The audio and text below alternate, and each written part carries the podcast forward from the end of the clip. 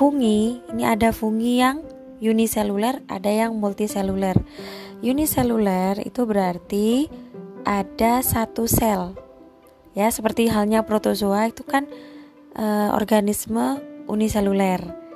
Ya, kalau yang multiseluler itu berarti kan banyak sel tersusun dari sel-sel, kumpulan sel. Tapi kalau uniseluler hanya satu sel. Contoh yang jamur uniseluler adalah ragi, ragi tape. Nah, itu adalah contoh yang uniseluler. Ragi juga disebut dengan yeast. Ya. Ada ragi yang digunakan untuk kue, ada yang digunakan untuk tape.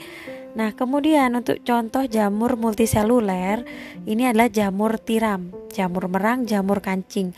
Ini sebenarnya jamur tiram yang eh, apa namanya ini kan memiliki tubuh buah seperti yang background ini juga kan memiliki tubuh buah.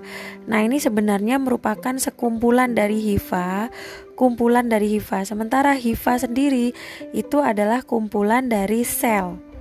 Sel, nah kemudian membentuk hifa. Nah, kumpulan dari hifa ini akan membentuk tubuh buah sehingga tubuh buah ini bisa kita makan.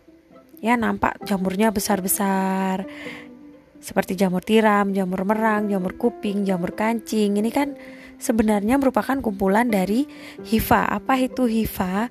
Hifa itu sekumpulan dari sel-sel fungi. Nanti waktu praktikum akan saya tunjukkan uh, apa itu hifa dan apa itu ragi.